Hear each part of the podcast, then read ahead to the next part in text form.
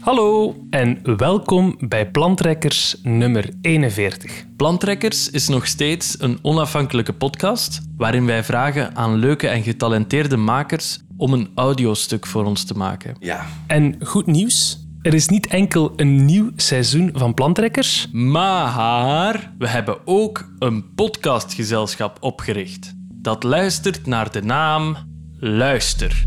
Luister.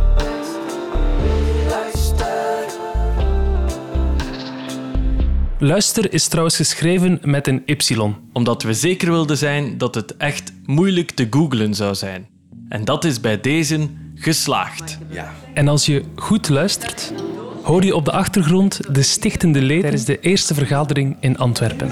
Welkom op de eerste grote vergadering van Luister.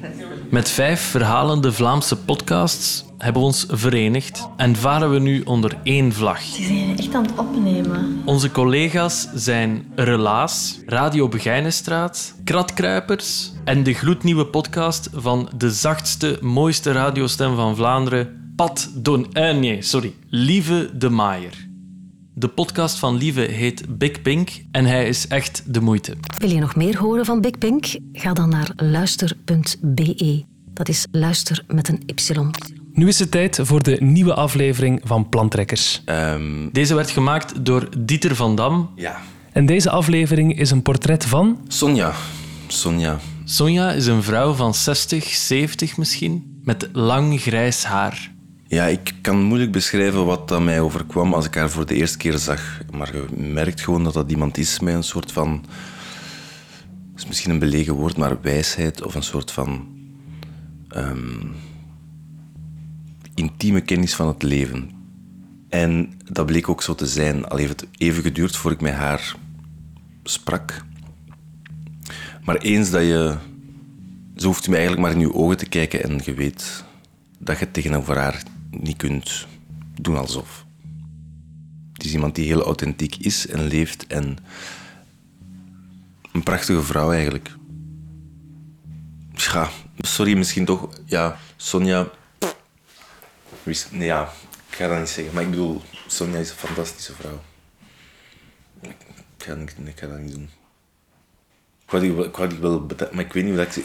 Eigenlijk, ze heeft, ze heeft mij gezegd dat ze er wel blij mee is en dat ze, dat ze blij is dat haar verhaal ontsloten wordt. En ook met de manier waarop. En eigenlijk was dat het grootste compliment dat ik kon krijgen. Want in dit geval, ja, ze geeft, ze geeft zoveel. Dat is eigenlijk maar iets heel kleins, maar ik kan teruggeven. Kleine waarschuwing vooraf. Deze aflevering bevat expliciet materiaal over seksueel misbruik en drugs.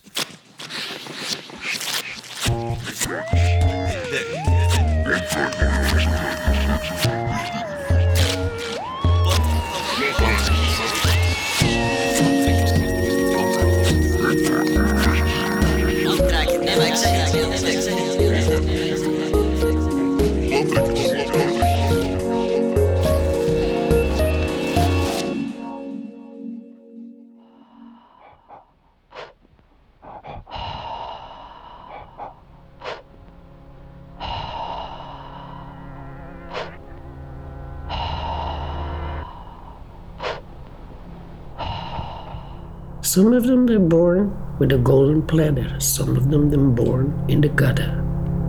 But each one has a role in this life.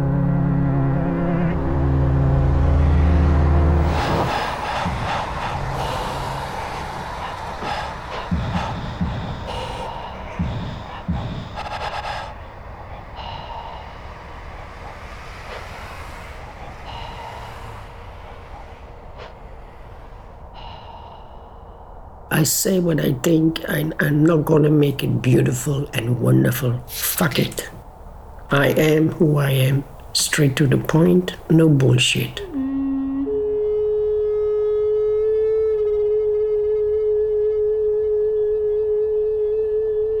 I'm not queen bitch.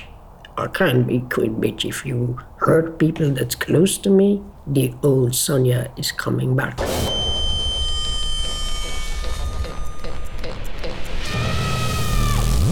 I'm ready to help people no matter what. Even I give you the last shirt on my back. I'm not rich I just have enough to survive. But I'm happy. I don't want more because the more you get, the faster the bastards from taxes and everything come to collect.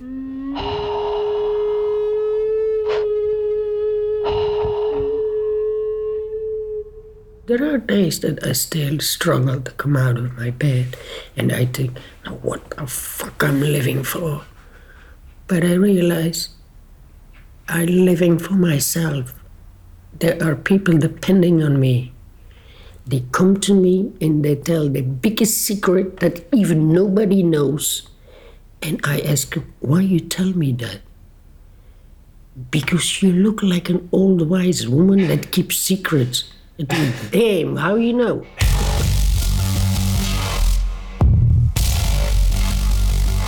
It's a circle of life. From all of my mistakes that I made, I learn not what to do.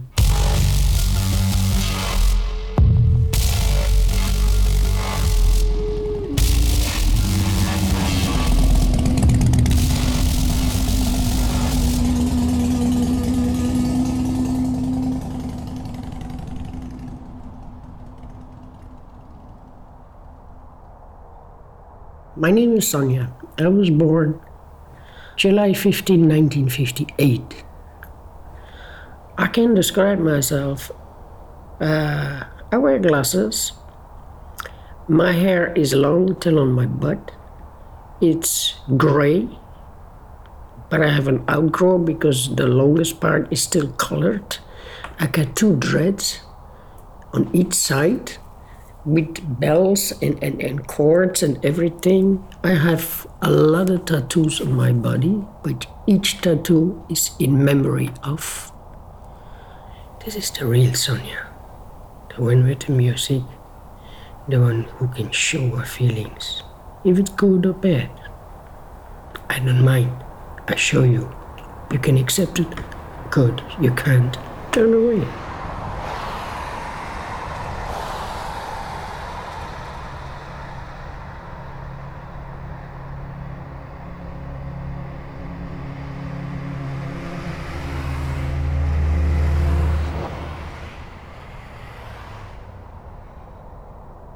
I came out of a very big family. But my mom was quite young and wild, and she dumped me.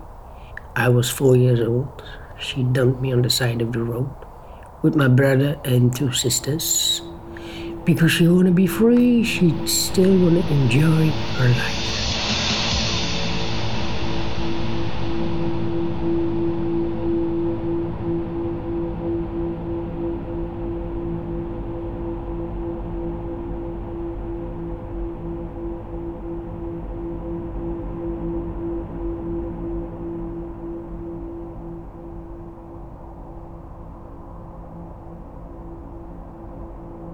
So we get on the uh, justice system here in Belgium, and we get in an institution. We have to stay there till the age of 21. That time it was like that in Belgium, the law. And then my hell started really. My brothers and my two sisters, they were always safe. When they fucked up, I was the one who got punished, and the punishment was really psychology, blackmail, uh, also physically. I was raped more than once. Uh, the last time I was raped was by a priest. I was 16 then, and I gave birth to my son at the age of 17 one month exactly after my birthday, so it was 15 of August, Mother's Day in Belgium. And they took him away because I was still too young to take care of him. Uh, they removed me to another institution. This has a very bad name here in Belgium. It calls Free and Happy, Vrij en Vrolijk the woman who was leading that institution, she was known as a sadistic, narcissistic bitch. And she enjoyed uh, hurting us, especially me, because I was not pure Belgium. I was not a Belgian, I was gypsy. And gypsy in that time was scum in her eyes, so she beated me regularly because I got my periods too early. She wanted to be exactly 28 days. I don't know one woman who has this on a time of 28 days. And the last time I remembered, I was 18. She locked me up in a dog cage. February, it was freezing, naked. And one of the people who were working there went to the authorities, and then the ball started rolling.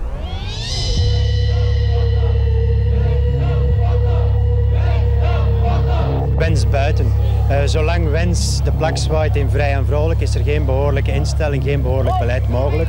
Door haar persoonlijke aanwezigheid en haar karakter, de manier waarop dat zij dat uit tegenover personeel, tegenover kinderen ook, een schrikbewind.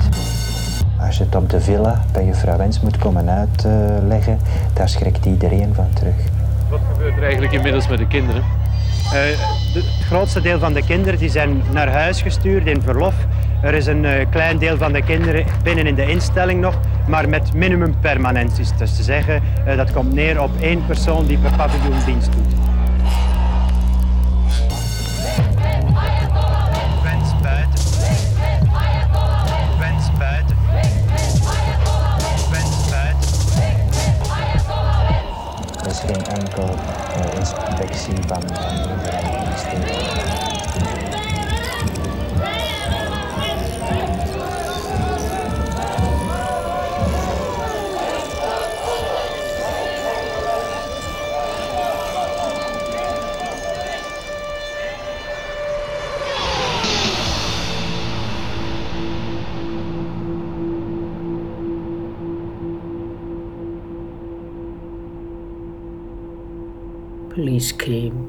Judges came, and they shut down this institution. I went uh, to hospital because I was malnourished. I was skinny, uh, full of blue marks. I got burn wounds on my body. So she went to jail, but I have to testify in court. And I have to tell what I've seen they find in the backyard of that institution a lot of graves from kids. They were shot, really shot. I've seen this happening. A little boy of eight years that came in with handcuffs, and the guy, the kid was struggling, what is normal, because he don't know what happened. So the guard took his gun, pulled it on his head, and just pulled the trigger.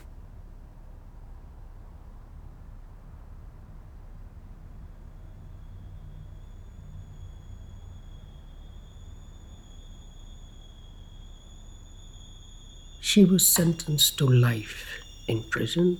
Now I know that bitch is dead. And I really, when I found out the bitch was dead, I really sing, Ding dong, the bitch is dead. Ding dong, the bitch is dead.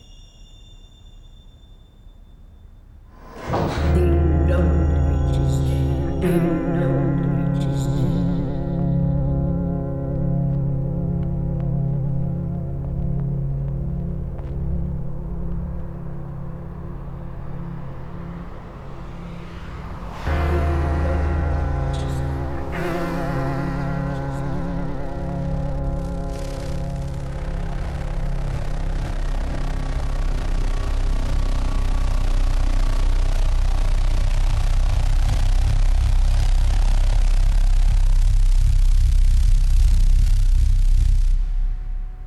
all the traumas that I had, uh, I couldn't cope with it. I couldn't tell no one except on court, and it, I felt ashamed because I had the feeling it was my fault, you know.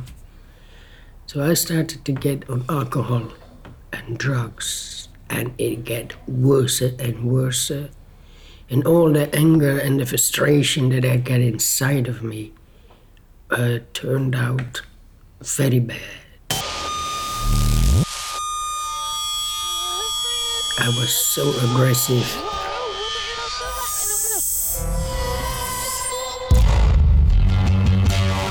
I'm five four tall, 140 pounds.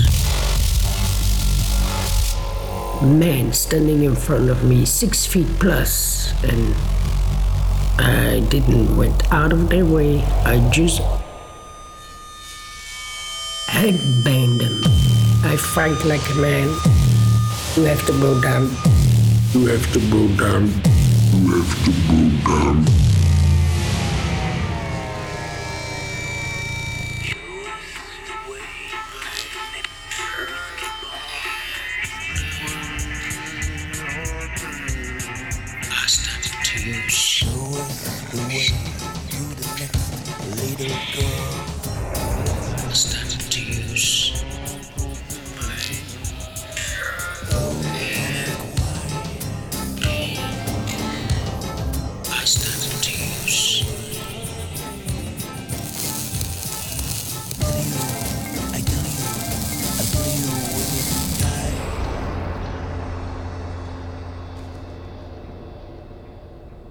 My drug habit was not only alcohol, I started to use weed, I started to use cocaine, I started to use speed, and I ended with opium because all the rest didn't work. Even heroin, I never jabbed, I never put a needle. That scared like hell.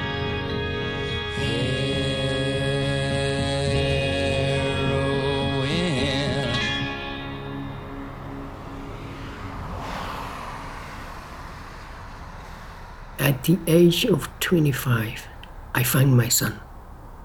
They put him with my grandparents. And my grandparents always showed him pictures of his mother. And he came in the pub where I was working. And he looked at me and he came to me and he said, You are my mother. Said, Your name is Kevin. Yeah. So You are my son. So I was so glad that I met him. I quit the job from one day to another because I want to spend time with him. So I picked up my gypsy life again and I traveled with my son. I seen him meeting his wife, Mercedes, a beautiful girl. I was there when they married, and exactly nine months later, my grandson was born, Ulzano.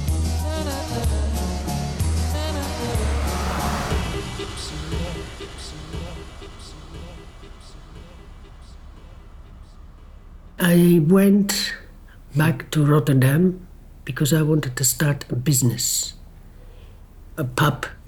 And with the idea, if my son, with my daughter in law, my grandson comes here, we do the business. After, when I'm old enough, I can say, it's yours, you go on.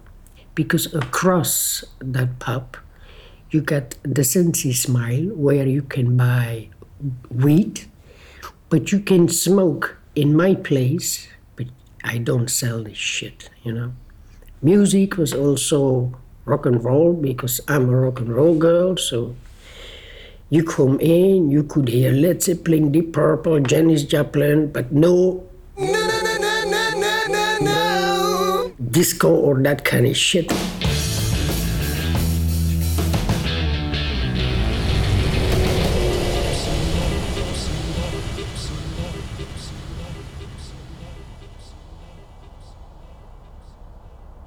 Seven June 1999, my son, he picked his wife and uh, my grandson to uh, the car, and they drove all the way from Saintes-Maries-de-la-Mer, that's the south of France, all the way to Rotterdam, and at the border of uh, Belgium.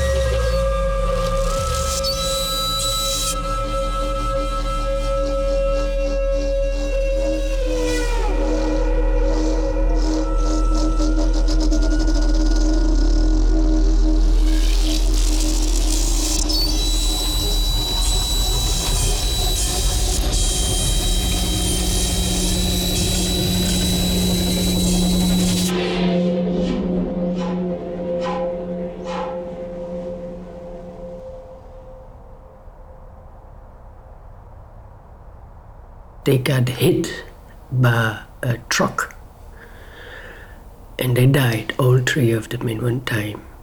He was 24, she was 22, and three months pregnant, and my grandson was 19 months old. And the worst part was the police came for me to identify them. I've seen them, and my grandson was decapitated. My son and daughter-in-law was cut in half. And the driver, he was drunk. He had 3.8 milligram of alcohol in his blood, so that is very heavy.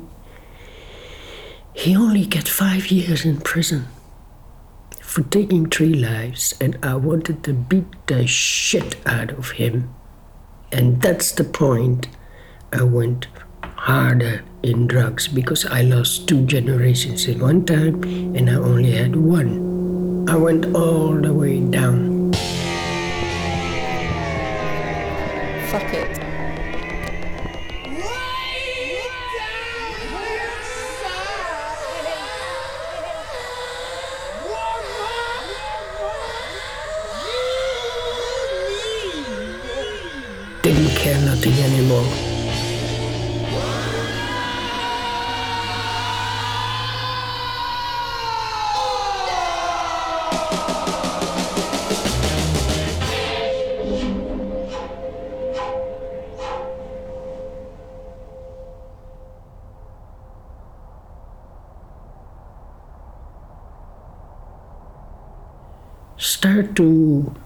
Transport as a mule dope to the UK, to Germany, to Spain.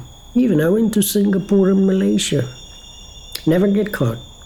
If they kept me there, I wouldn't be talking to you anymore because you hang.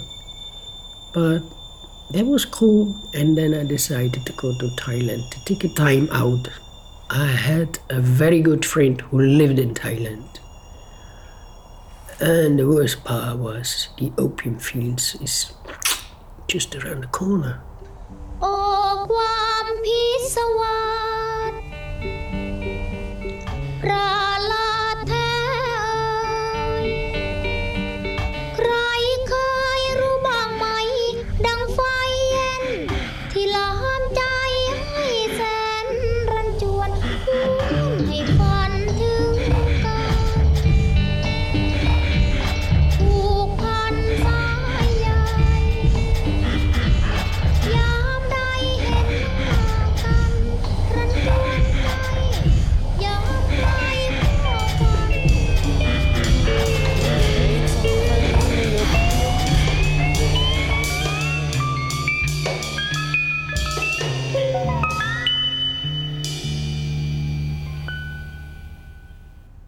Gave a kid 50 baht.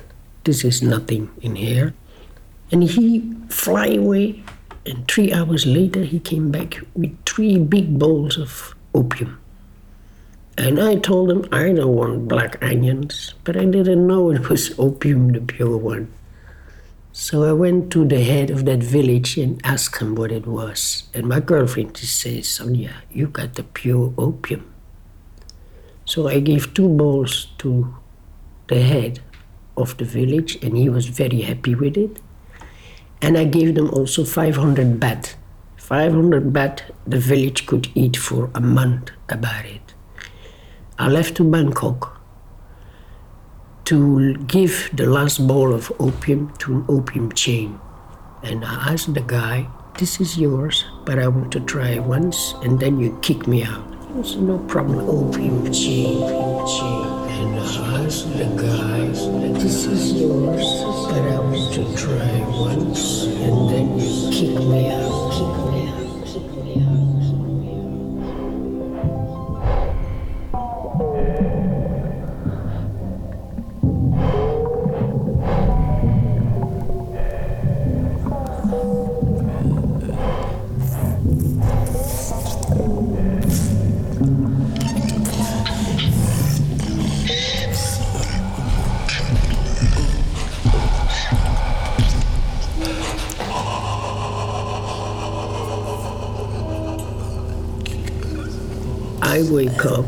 get refreshed in your face, you get some tea.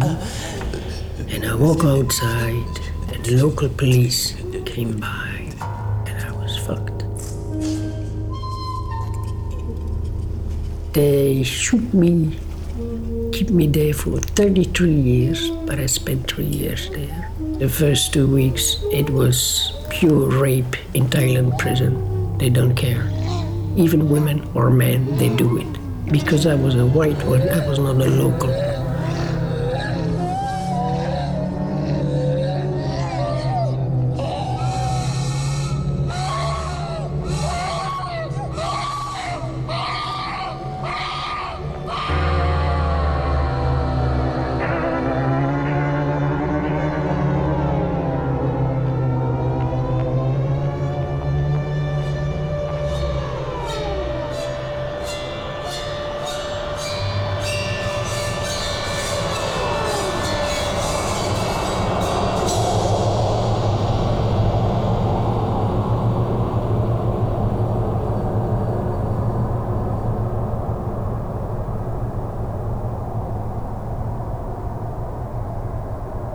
There was one Buddhist monk who was sentenced also for life because you cannot talk bad about the king of Thailand, and he did. So by that monk, I could skip a message out to my father. Dad was an international sea captain. He received a message. He was in Kyoto in Japan. He left the ship, he came to Bangkok, and then he paid in Belgian francs a quarter of a million on the table. And a half an hour later, I was outside. He found out they didn't even trial me. So I was out half an hour later. He smacked me. And I said, Dad, why? He said, I do the same shit, but I don't get caught. You get caught. That's your problem. I came back to Belgium and it got worse because even here I still could find opium. Till one of my son's friends came to me and smacked me in my face and tell me, Do you think that Kevin wants to see you like this? I was compared to an anorexia without any teeth in my mouth anymore. Uh, the eyes were deep in the sockets, and I walked on a shopping street and I looked myself in the mirror and I say loud, What a fucking junkie is this? But the junkie was me.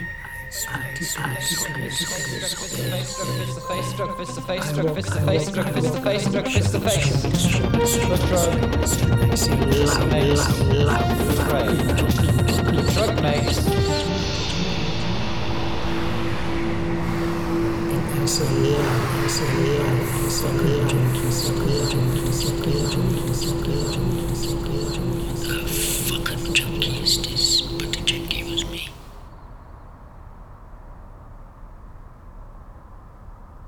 I met somebody last year, student in medicines, and I called him and I told him, I want to stop. Please help me. He came, he found me, he brought me to his house. He had a room, nothing in it except a mattress, a blanket, and a bucket. And I did a cold turkey after long time using. It was three weeks of a lot of pain and, and cramping, and it's horrible. It's hell. This is something I never want to go back to. Other types, methods of pain, something painful. Stop seeing pain everywhere. Absence of blood doesn't mean absence of pain. Acute, pleasure, pain. In response to pain. Face good up against the pain. Concentrate, handle this pain, spreading the pain. Ah, ah, ah, ah. Man in agonizing pain, I gasp. There's crippling pain. Slices through me. The pain is indescribably the physical pain of the bite of bird is. Nothing. Compared to this. I didn't want this, I guess. Pain. It's only pain. And then I met my husband. And I was still using weed because also that time I have a diagnosis of multiple sclerosis. I know with the disease of multiple sclerosis, I will end in a wheelchair. And I told even my doctor, the moment I get in a wheelchair, put a Harley Davidson motor on it, it's okay, rock and roll on. I'm gonna rock and granny, and I'm gonna stay a rock and granny. Yep, I'm walking with this disease for about 20 years almost, yeah. So that was against the pain because I know if I take medication, I relapse because I used to use also Rohypnol and Xanax and you name it, I did it. So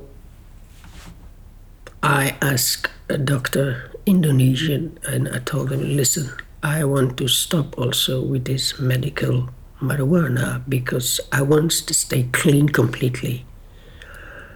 I told my husband that I also wanted to get out of it, and he brought me to a 12 step program.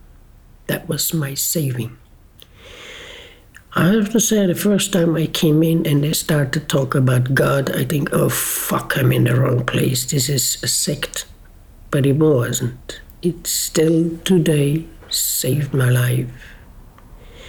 And in the beginning, it was hard to accept that I was an addict. Very difficult. But that was the time also that I had still contact with my ex-husband He's an Indonesian and I went every weekend to Den Haag with his friends and they have jam sessions. And on a moment one of the guys he was playing the intro from Summertime from Janis Joplin. And I couldn't resist the mic. And I took the mic and I started singing and they were so surprised. And there was one guy sitting in Indonesian, he was blind. And he said, Whoa, Janis Joplin is in the house. Whoa, Janis Joplin. Whoa, whoa. I did the song, I hear the demo, and I was even surprised that I have a voice like Janis'. I never knew my voice sounded like that. And I felt quite connected with her because I've seen a documentary about her life and it's quite similar with mine the pain, the not understanding, feeling worthless, searching for the right person, everything.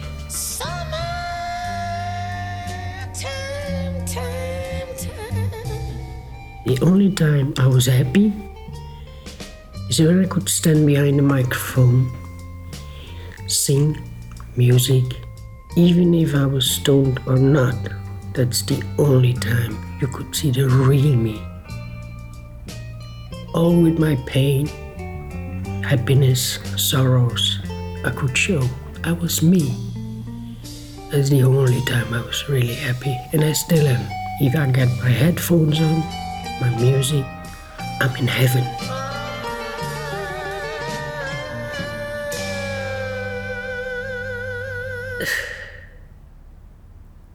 the pain of losing my son, daughter in law, and grandson stays.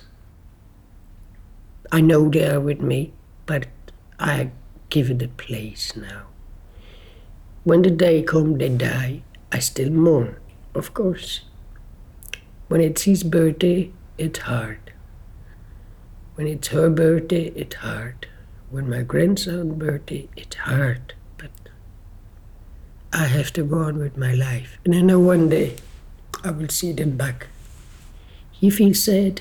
Cry. You feel happy? Laugh. You feel down? Let it. It all passes. This is it's a process of life, of living, of learning. Remind me to kick my ego to the garbage. Remind me that life is simple. The answers are simple because the answers is in front of you. I don't understand. How come You're gone, man. We think too much, too hard, too far. I live only for today. Understand why half the world is still crying. When the other half of the world is still crying too, man. And I can't get it together. Tomorrow never happened because it's all the same fucking day. And this is a quote from Janis Joplin. That's what it is, man. If you got it today, you don't wear it tomorrow, man. Because you don't need it. Because as a matter of fact, as we discovered on the train, Tomorrow never happened because it's always today. it's all the same fucking day, man.